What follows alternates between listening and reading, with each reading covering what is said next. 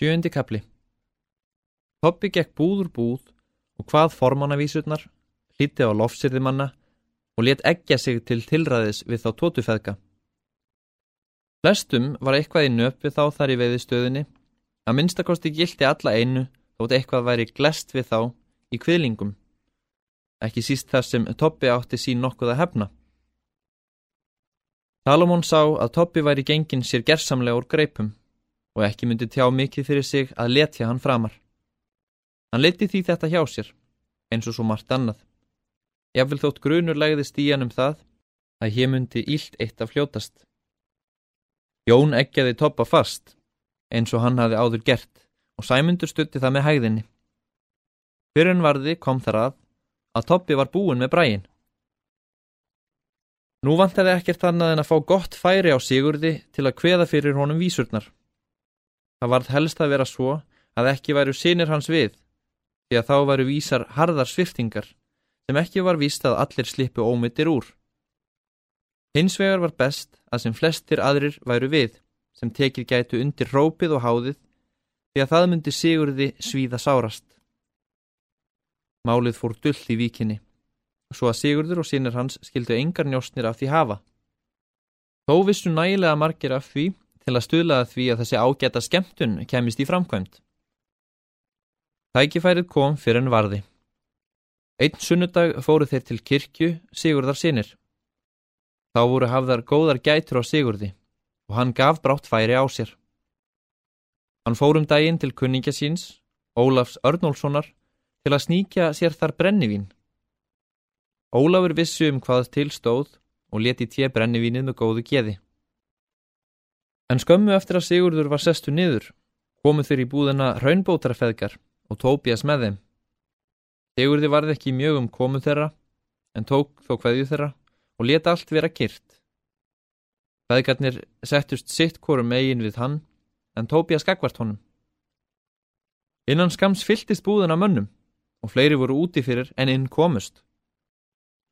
Tópias bað nú um leifi Ólafs til að kveða formannavísurnar og var það auð fengið. Sigurður vildi þá uppstanda og útganga, en nú sá hann að það var með ráði gert að þeir feðgar höfðu sest næstur honum sinn til korrar handar, því að þeir heldu honum í klemmi á milli sín. Umbrótt stóðuðu ekkert, því að ekki hafði hann helmingsafl við annan þeirra. Hvað þá báða? Hann grunaði nú þegar að Tóbías myndi eiga annað og meira erendi en að kveða formannavísurnar og settist sér að taka því sem höndum bæri á þann hátt sem honum þótti best við eiga. Að formannavísunum loknum hóf Tóbjas nýðbrægin og bryndi nú raustina. Myndist hann þar fyrst út hýsingarinnar og fórum hann að mörgum hæðilegum og raklegum orðum. Því næst jós hann yfir Sigurd öllu því versta sem um hann hafði verið sagt. Brá honum um svíðingskap, ágengnu og kvinsku.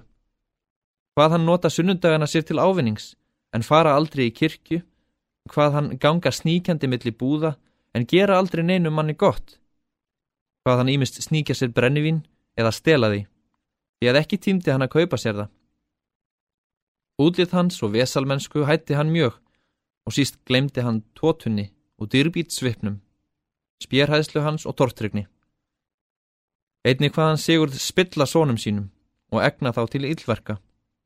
Öllum væri hann kvimleiður, guði og góðum mönnum og engum til geðs nema fjandanum.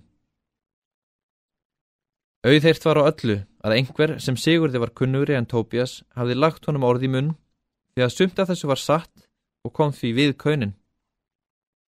Þeir sem áhlítu hlóu mjög að þessu og gerðu hark mikið í búðinni með hrópum og hlátrum þegar eitthvað kom hjá Toppa sem þeim þótti Sigurði maklegt. Jón hló eins og berserkur að hverju orði og sæmundur kýmdi. En sá sem hló mest af öllu var Sigurdur sjálfur. Hann hló svo hátt og hjartanlega að svo var að heyra sem enginn skemmti sér líkt því eins vel og hann. Og hann leti ekki verða láta hlátrinum, því að svo var að heyra sem hann myndi springa. Hann hló að öllu sem Tóbias hvað, hversu ílt sem það var, og hló einnig mest þegar aðrir hlóu mest. Við þennan hlátur Sigurðar fataðist Tóbias í mjög. Fannst honum orð sín engin áhrif hafa og hemd sín verða að engu. Hann herti því jamt og þjætt á hljóðunum til að lemja því inn í hausun á Sigurði sem hann vildi láta hann heyra. En allt kom fyrir ekki. Sigurður hlóð því meira.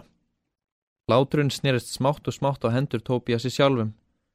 Þegar hann var búin að rýfa sér ráman áður en hann var búið með bræin og var það með atlægi vegna ákjafðar sinnar. Loks fór að draga niður í flestum hláturinn nema Sigurði. Hann hló sem áður. Niðurlag braksins voru hérna sárustu óbænir yfir Sigurði og svonum hans og það sem Tóbías var að mörgum talin ákvæðin og trúði því sjálfur að svo væri mátti nærri geta hvernig það væri að verða fyrir þeim ósköpum. Þannan kabla hafði Tóbías sett síðast og átti hann að reka smiðsökið á verkið.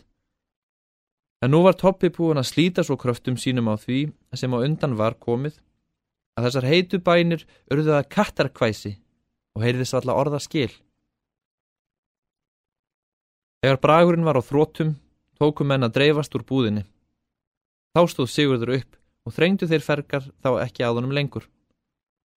Hann þakkaði nú Tóbiasi fyrir skemmtunina, eins og ekkert hefði í skorist, og bauðunum á koma til sín og þykja feitan bringukollsbytt að hvæðislaunum. Að svo mæltu gekk hann úr búðinni. Tóbias var í yllu skapi, að honum fannst þetta allt hafa tekist öðruvísi en til var stopnað. Annarkort hafði Sigurður ekki skilið orð hans eða látið sér standa hjartanlega á sama um þau. Að minnstakosti var hann viss um að ekkert þeirra hefði náða særa hans svo sem hann hefði viljað. Þeir hraunbótarfeðgar voru ekki heldur sem ánaðastir með árangurinn. Þótt Toppi hafi kveði lind og klauvalega svo að eigi hefði verið nógu napurt og svíðandi. Þeir voru þó ekki á því að ekkert hefði hitt Sigurði hjartastað því að þeim hefði stundum fundist hann skjálfa lítið eitt. Litaskipti hafði enginn séð á andliti hans, en það var illt að sjá Sigurd bregða litum, því að mjög var hann veðurbarinn og þvoði sér aldrei í framann. Hínu gáttu þeir aftur á móti ekki trúað að Sigurdur fengi dölist svo vel.